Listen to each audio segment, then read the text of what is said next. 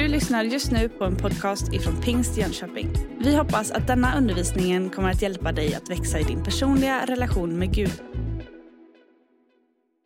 Välkommen till det här bibelstudiet på närradion eller om du kommer att lyssna via podden. Jag som är din värd idag heter Kjell Olsson och är pastor i Pingst Bankeryd. Det här bibelstudien är ju bara ett av de många samarbeten som finns mellan pingstförsamlingarna i södra Vätterbygden. Vårt samarbete har de senaste åren både växt och fördjupats, vilket är riktigt gott och härligt, inte minst i tider som dessa.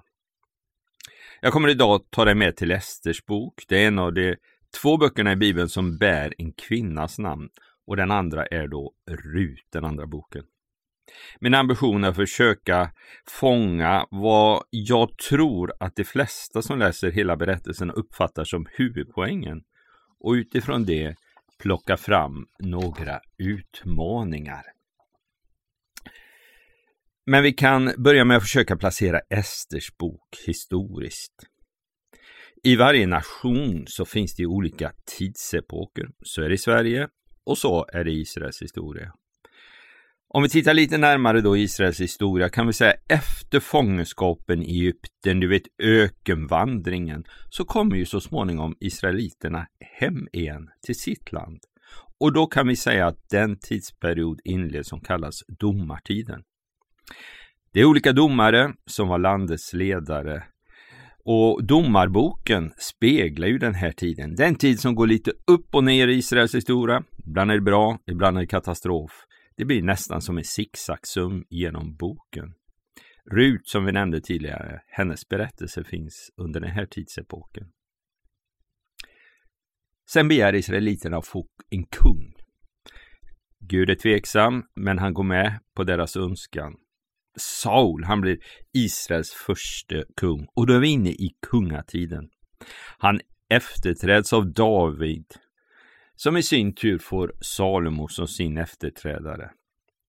Den här perioden präglas ju mycket av David och hans författarskap, hans hederskap och hans ledarskap. Och kröns på något sätt med Samuels oerhörda rikedom och framgång, som tyvärr inte håller i sig hela livet. Kungatiden alltså. Efter kungatiden så kommer den tidsperiod som kallas det delade riket Riket splittras i två delar. Israel i norr, det norra riket, och Juda i söder, sydriket. Det norra riket faller relativt snabbt samman och går under medan Juda består. Efter den här tiden så kommer fångenskapstiden. Man förs bort som fångar till Babel. Daniel och hans vänner är väldigt kända i det här sammanhanget. Du kan kanske berättelserna om den brinnande ugnen, om lejongropen och så vidare. Men från den fångenskapen återvänder ju en stor del av judarna till sitt land. Ungefär 50 000 kan vi säga återvänder med Zerubabel. Esters bok då, var hamnar den? Ja, den hamnar efter eller under efter fångenskapstiden, efter återkomsten. Esters bok handlar om de judar som inte återvänder utan finns kvar i det persiska riket.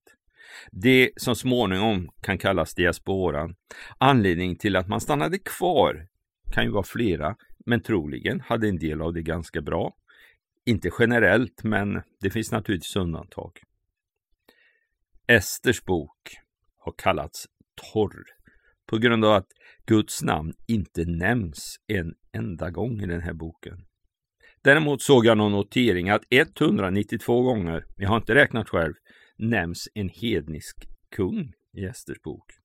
Esters bok är inte heller citerad i Nya Testamentet och man kan säga att Esters bok omfattar ungefär en tidsperiod på nio år. Många har försökt att sätta tema på den här boken och kanske det mest genomgående är Guds trofasthet. Fast han inte nämns i boken så finns han ändå där hela tiden. Andra har funderat om inte lojalitet i ett främmande land fest och måltid har någon sagt, eller att göra allting tvärtom. Det stora temat för Esters bok är att ta vara på tillfället, tänker jag. Att ta vara på den möjlighet som läggs framför oss många gånger och som du och jag ställs inför. Nyckelversen i den här boken, eller nyckelcitatet, tänker jag är Kanske var det för en tid som, ju, som denna som du blev konung. Kanske var det för en tid som denna som du blev konung.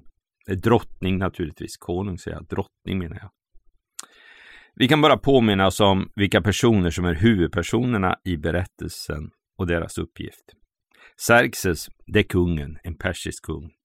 Haman kan man väl titulera som den högste tjänstemannen, långt upp i hierarkin, allra högst upp.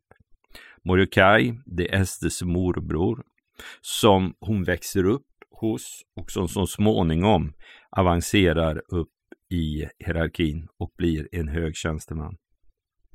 Ester, huvudpersonen, den föräldralös flicka som uppfostras av Mordecai och så småningom blir Persingens dotter. Hennes namn kan betyda stjärna. En sak som tydligt lyser igenom när vi läser hur Gud utväljer de personer som han önskar är att han väljer som han vill. Ibland kan vi kanske tänka, men varför valde Gud den personen? Han valde en sköka i Rahab. Han valde Rut, en flicka. Han valde Ester, en ung tjej. Han valde Maria, en tonåring, att föda Guds son. Alltså, Gud väljer den han vill och han ser inte riktigt som vi gör det. Om jag nu skulle sammanfatta Esters bok på en minut eller på några sekunder så skulle jag nog säga så här. Boken handlar om hur en ung kvinna vid namn Ester blir drottning i det persiska riket i kölvattnet av en skandal i kungahuset där den tidigare drottningen Vasti har satt sig upp mot kung Xerxes. I sin roll som drottning spelar Ester en avgörande roll när hennes folk, judarna, hotas av förintelse och utrotning. Genom sin frimodighet och sitt mod vänder hon det väntade nederlaget till en seger. Och nyckelfrasen och nyckelversen är den här. Kanske var det för en stund som denna du blev drottning. Utifrån berättelsens huvudpoäng och STs situation vill jag lyfta några utmaningar nu. Nu kanske vi för enkelhetens skull skulle läst hela berättelsen eller de två första kapitlen, men jag har inte gjort det. Så du får väl läsa på själv och försöka hänga med mig i mitt resonemang. Det första som jag tänker är en utmaning i, i den här texten är att se sig själv som en del av Guds plan. Att se sig själv som en del av Guds tanke och plan.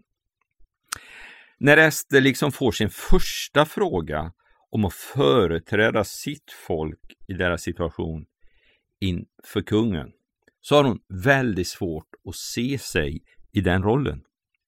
Det finns en del ursäkter, faktiska ursäkter, helt okej. Okay. Det finns ursäkter att, ja, vem är jag att ta den platsen? Och så kanske det finns en del undanflykter också. Och jag tror det är ganska lätt att känna igen sig i just den rollen. Vem är jag i det här sammanhanget? Hur kan någon tänka på att jag skulle kunna företräda eller vara en del av Guds plan? Ibland har vi svårt att se oss i den rollen. Det hade Ester också. Men Mordecai kommer tillbaks med frågan till Ester och då lyder det så här i den tolfte versen. När Mordecai fick höra vad Ester hade sagt, alltså hennes ursäkt, det kan vi säga, lät han svara henne. Tro inte att du ensam bland alla judar ska komma undan bara för att du bor i kungens hus. Tiger du i detta ögonblick kommer befrielsen och räddningen för judarna från något annat håll. Men du och din fars familj ska gå under. Kanske var det för en stund som denna som du blev drottning. Frågan kommer tillbaks och Ester tar väl, antar jag, den till sig, funderar på den, grubblar och lämnar följande svar till Mordecai på frågan. Då sände Ester detta svar till Mordecai. Samla genast nu alla judar som finns i Susan, alltså i huvudstaden, och håll fasta för min skull. Ni ska inte äta eller dricka på tre dygn, varken dag eller natt. Jag och mina tjänsteflickor ska också fasta på samma sätt. Sedan går jag till kungen, trots att det är mot lagen. Är jag förlorad, så är jag förlorad. Alltså, det är inte alltid så lätt att se sin plats och sitt eget uppdrag i Guds stora tanke. För Ester var detta en process. Starten tror jag skedde långt innan Ester föddes. Men om vi håller oss till den synliga delen i boken. I boken inleds den här delen med att Ester blir utvald till drottning. Bland många andra. Och så småningom efter ett års förberedelse, ett helt års förberedelse, så kröns hon till drottning. Jag är inte säker på att Ester förstår Guds plan och sitt uppdrag vid den här tiden. Hon har ännu inte berättat om sitt ursprung med mera, det som kopplar henne till uppdraget. Men planen och tanken förändras över tid. Eh, men en dag så står hon där mitt i händelsernas centrum med hela sitt folks framtid vilande på sina axlar. Och då har hon svarat ja till att se sig som en del av Guds plan. Gud har en tanke och en plan med ditt liv och med mitt liv, med våra sammanhang. Och vi behöver kanske sluta att tro på tur eller otur, lyckliga omständigheter och så vidare. Jag tror vi behöver lyfta blicken och se att den hand som styr historien i Esters liv är lika aktiv idag i våra dagar och i våra liv.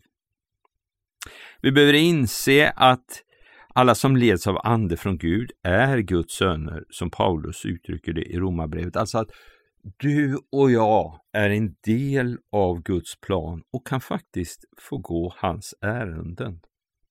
Jesus använder ju följande ord i Johannes evangeliet när han säger Ni har inte utvalt mig utan jag har utvalt er och bestämt er till att gå ut i världen och bära frukt, frukt som består. Då ska Fadern ge er vad ni än ber om i mitt namn. Alltså, jag tror det var så i Esters liv, att hon var utvald och du och jag är utvalda till att bära frukt. Våga se dig som en del i Guds plan, som en del av Guds tanke för det område där du bor, där du kanske arbetar, den skola du går på, det sammanhang som du finns i. Våga se dig som en del av Guds plan. Det gjorde Ester. Om vi då går till den andra utmaningen som jag tänker lyser igenom här så handlar det om att förbereda sig, att vara beredd på det som händer. När Ester har sagt nej första gången till eh, tanken att gå in till kungen och bära sitt folks framtid på sina axlar och frågan kommer tillbaks från Mordecai så svarar ju Ester så här. Då sände Ester detta svar till Mordecai. Samla genast alla judar som finns i Susans och håll fasta för mig. Ni ska inte äta eller dricka på tre dygn, varken dag eller natt. Jag och mina förtjänsteflickor ska fasta på samma sätt. När man läser Esters bok, och jag hoppas du kommer att göra det, så kan det vid första anblick verka som att allting är snabba klipp i den här boken. Det går väldigt fort. Men det finns ganska långa tidsfrekvenser i boken. Från den där skandalen som jag nämnde om när Vasti blir avsatt som drottning så går det faktiskt fyra år innan Ester blir ny drottning. Drottningkandidaterna förberedelsetid eller inskolningstid är ett år. Den är 12 månader. Den finns ganska detaljerat beskrivet hur det går till. Läs det gärna. Och Ester, hon hinner ju faktiskt vara drottning i fem år innan den avgörande stunden kommer. Sen går det snabbt i vissa sekvenser i boken. Hela min tanke är att det finns en grundlighet i boken som är viktig att ta med sig. Det är först när man är väl förberedd som man kan improvisera, har någon sagt. Utan förberedelse blir det bara repriser. Det finns många faktorer till varför Ester förbereder sig så grundligt. Den här boken handlar ju faktiskt om liv och död. För Esters del är detta väldigt konkret. När du läser texten så kommer du att se att ingen får komma in för kungen, får uppsöka honom utan att vara kallad. Om man skulle göra det och Xerxes inte skulle godkänna alltså det närmandet, då är det detsamma som att det skulle vara ett dödsstraff. När Ester söker upp kungen så vet hon att det finns en tidsperiod innan förföljelsen kommer att bryta ut mot mitt folk. Ungefär en tidsperiod på ett år. Då kommer det bli lagligt och legitimt att förgöra mitt folk. Eh, så det handlar om liv och död för henne. Det är därför jag tror hon förbereder sig så bra. Det handlar inte om vilken sorts vindruvor hon ska servera till vinet eller hur många tjänstekvinnor som ska hjälpa, hjälpa henne med håret och sånt där. Det ligger på ett helt annat plan. Vi behöver tänka tanken om vilket plan vi agerar på. Det handlade om liv och död. Och det handlar inte bara om Ester. Tro inte att du ensam bland alla judar ska komma undan bara för att du bor i kungens hus. Eh, det är så lätt att bara tänka, det handlar om mig. Nej, det handlar om alla runt omkring. Du och jag kan få vara ett föredöme för människor runt omkring. Vi kan få visa på vägen till ett fantastiskt liv tillsammans med Gud. Vi kan få visa på alla möjligheter, men då behöver vi vara förberedda på det. Det handlar också om vem jag representerar. Jag tänker det är därför förberedelsen är så viktig. Det är spännande att ta fram en tanke som denna. Vem representerar jag i en bok där Guds namn inte nämns? Ester står ju inte bara som en representant för sig själv och för folket, utan faktiskt också för Gud. Det är Gud hon företräder. Det är hans ärenden hon går. Det är bara nåd, brukar vi säga. Vi får vara med. Och så är det. Men vi är likväl, även om det bara bygger på Guds nåd, Guds representanter här på jorden. Ja, Bibeln säger att vi till och med är Kristi kropp, Jesus förkroppsligad år 2020. Ester, hon förberedde sig väl, för det var allvarligt, det handlade om liv och död. Det handlade inte bara om henne, det handlade om folket. Det handlade också om vem Ester representerade, nämligen Gud själv. Men jag tänkte avsluta den här avdelningen med en punkt till. Det handlar ju också om respekt för dem hon möter. Alla kungens ämbetsmän och hans undersåtar i provinserna vet att för den man eller kvinna som utan kungens kallelse går in till honom på den inre borggården gäller bara en lag döden. Endast den som kungen sträcker sin gyllene spira mot får behålla livet. Själv har jag inte varit kallad på 30 dagar till kungen.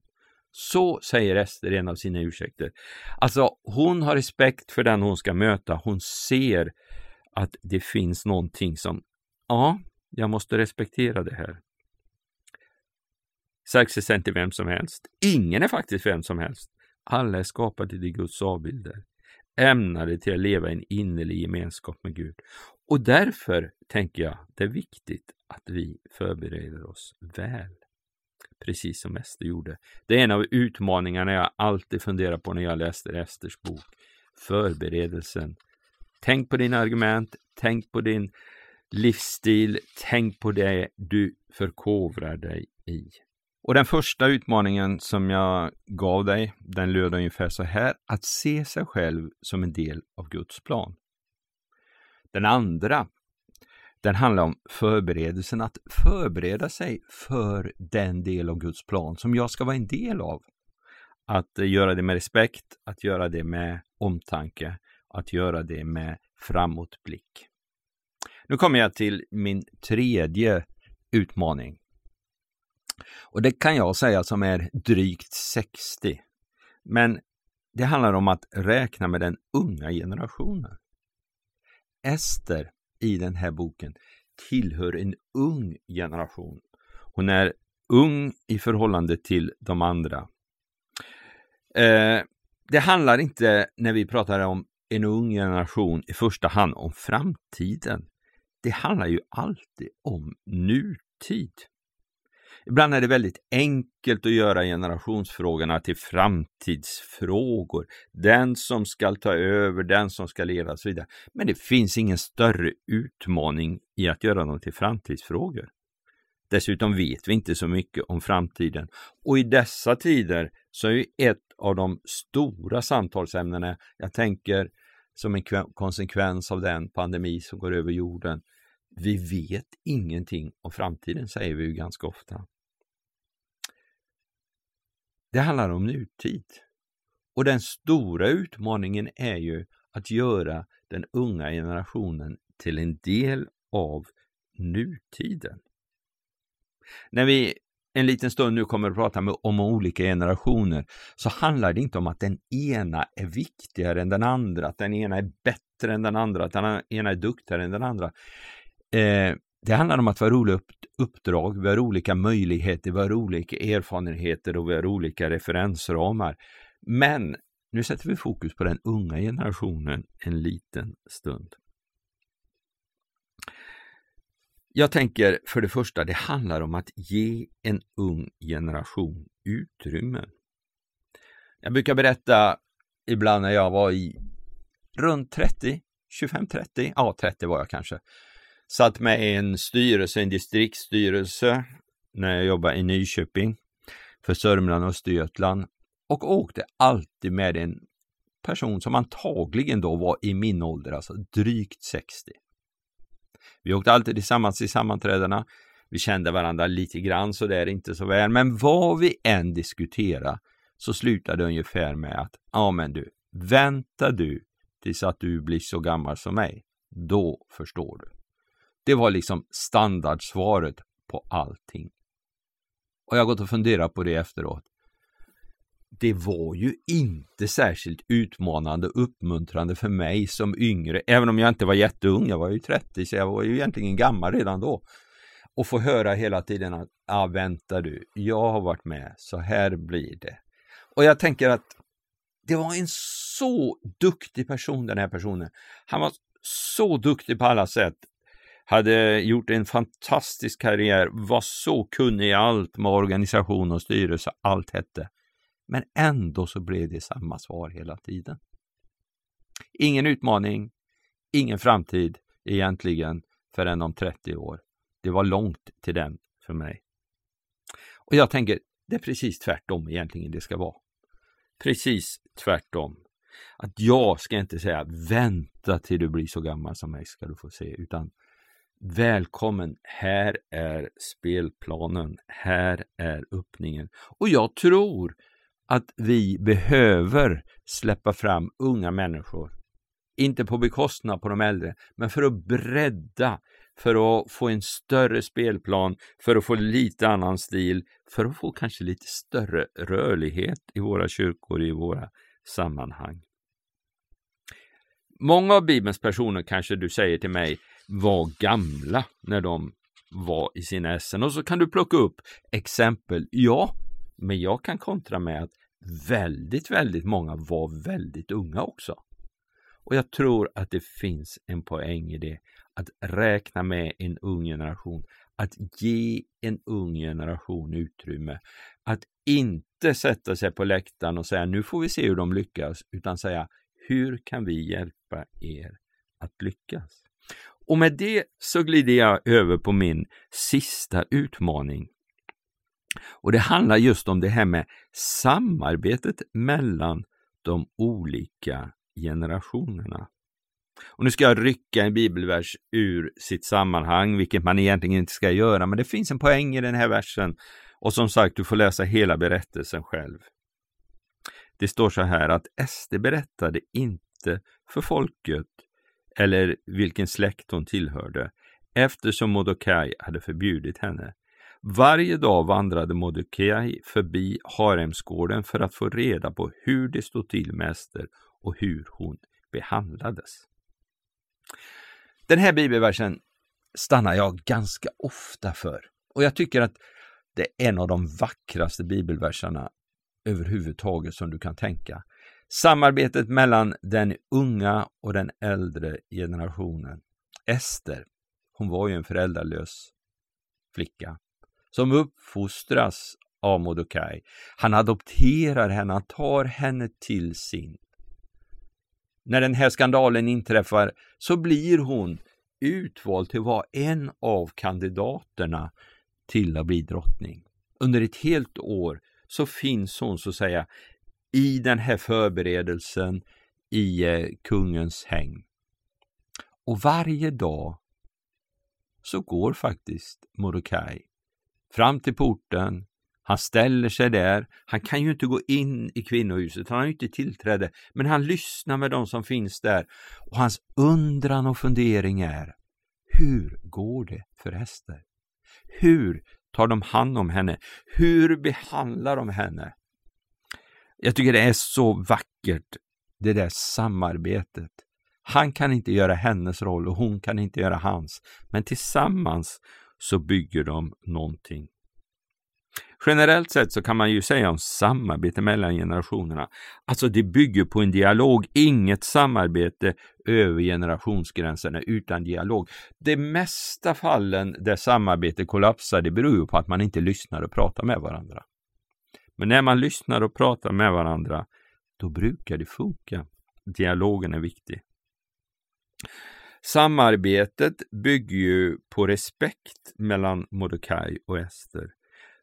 De lyssnar till varandra i hela berättelsen och de liksom lyder varandras råd och tar till sig varandras råd. Mordecai tar till sig Esters, den unga generationens råd och Ester lyssnar till Mordecai, den äldre generationens råd och tar dem till sig. Samarbetet bygger också, tänker jag, på tydlighet. Dialogen är tydliga, de är raka och man till och med konfronterar varandra med ord som Tro inte att du ensam ska klara dig om du gör så här. Spännande och intressant att studera. Mordecai, den äldre generationen då. För det första, Mordecai ger råd, eller om du vill kalla det riktlinjer. Han har berättat för Ester, eller gett henne informationen att hon ska inte berätta från början vilket folk eller vilken släkt hon tillhör. Det säger han tydligt till henne. Det är viktigt med att den äldre generationen delar av sina liv. Att vi som har några år på nacken, jag får väl räkna mig dit nu, även om jag fortfarande tänker att jag är ganska ung. Men så är ju inte fallet. Att vi utifrån den erfarenhet vi har delar med oss. Inte det jag mötte i bilen på de där sammanträdena, vänta ska du få se. Och inte utifrån det där, ah, det var mycket bättre förr, För de utgångspunkterna skapar bara problem. Du vet, allting förändras. Uttryckssätt förändras.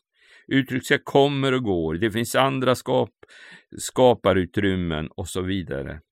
Nej, det vi ska dela med varandra, eller det som den äldre generationen framför allt ska dela, det handlar om kärnan, om livet med och i Gud.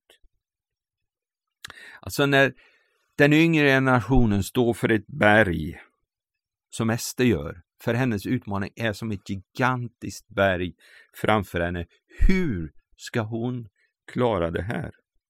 Då är det Mordecais och den äldre generationens uppdrag, tänker jag, och uppgift att ta steget fram och säga någonting i stil med Vi har också stått inför sina här berg, men med Guds hjälp och Guds hand så har vi klättrat över dem många gånger och du kommer säkert att klara det också om du gör det på ditt sätt, i ditt sammanhang.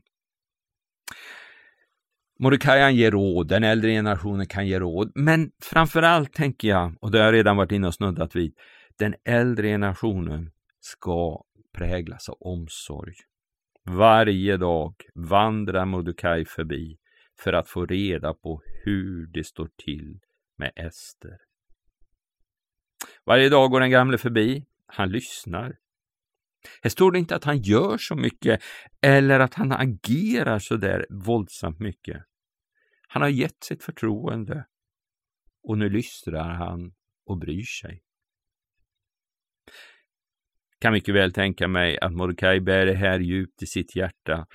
Han samtalar säkert med sin Herre och Gud om Esters situation. Men här agerar han inte så mycket. Men han finns där och han lyssnar och han ser och han är med. Jag tror att den äldre generationens uppgift är att ge omsorg. Inte bara få omsorg, utan ge omsorg. Jag har redan sagt det en gång, men jag tycker det tål att upprepas för att den här texten har för mig växt fram till en av de vackraste sekvenserna i Bibeln. Jag kan blunda liksom för min inre syn, se när Mordecai vandrar fram till porten, hur han liksom lägger örat till i samtalen som går där och lyssnar. Hur går det för Ester? Hur behandlas Ester?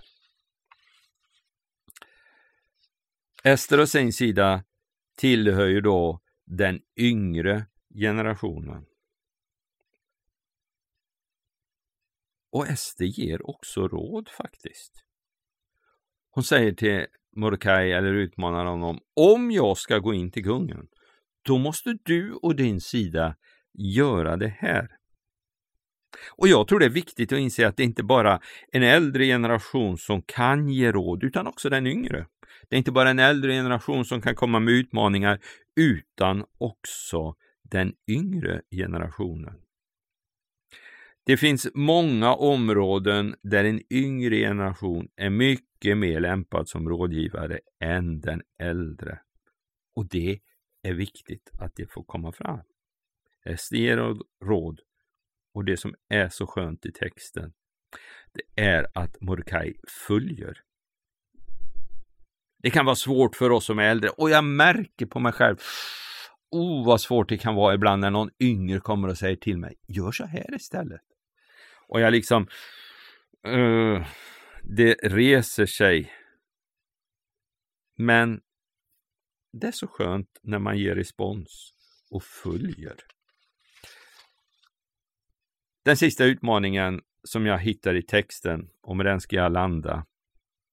Om den första var att se sig själv som en del i Guds plan, den andra var att, all, att förbereda sig väl och den tredje var generationssamspelet så handlar den fjärde om, och den är lite provocerande tycker jag, att våga göra det förbjudna eller åtminstone det som är omöjligt.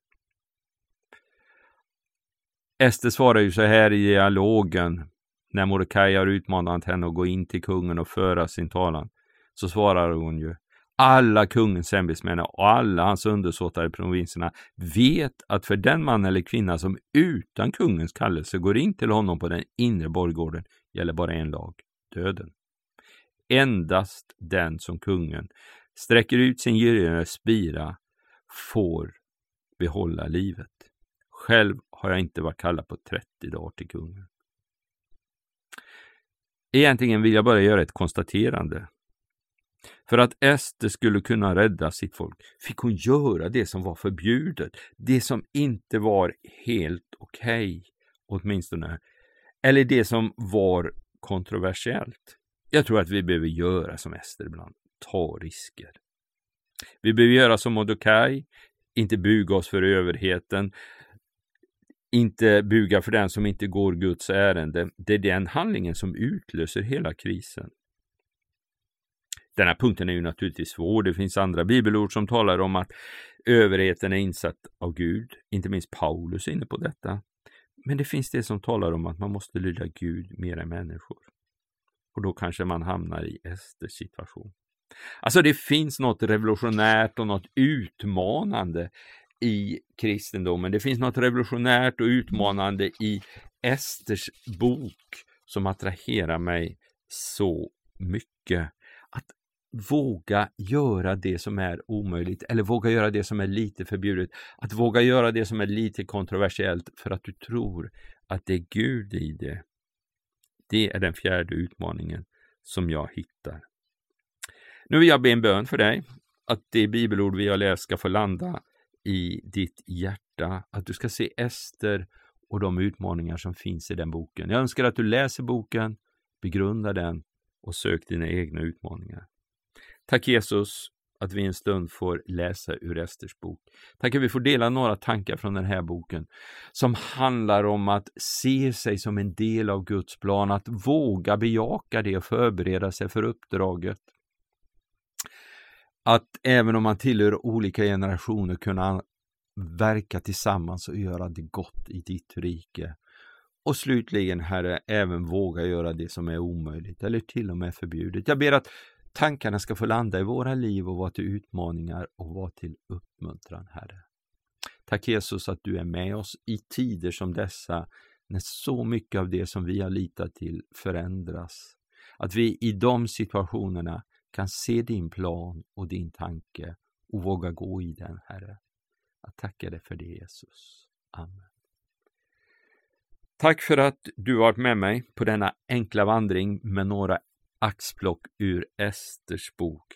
Några av alla de som finns där. Du har just lyssnat på en podcast ifrån Pingst Jönköping. För att få reda på mer om vilka vi är och vad som händer i vår kyrka så kan du gå in på pingstjonkoping.se eller följa oss på sociala medier via pingstjkpg.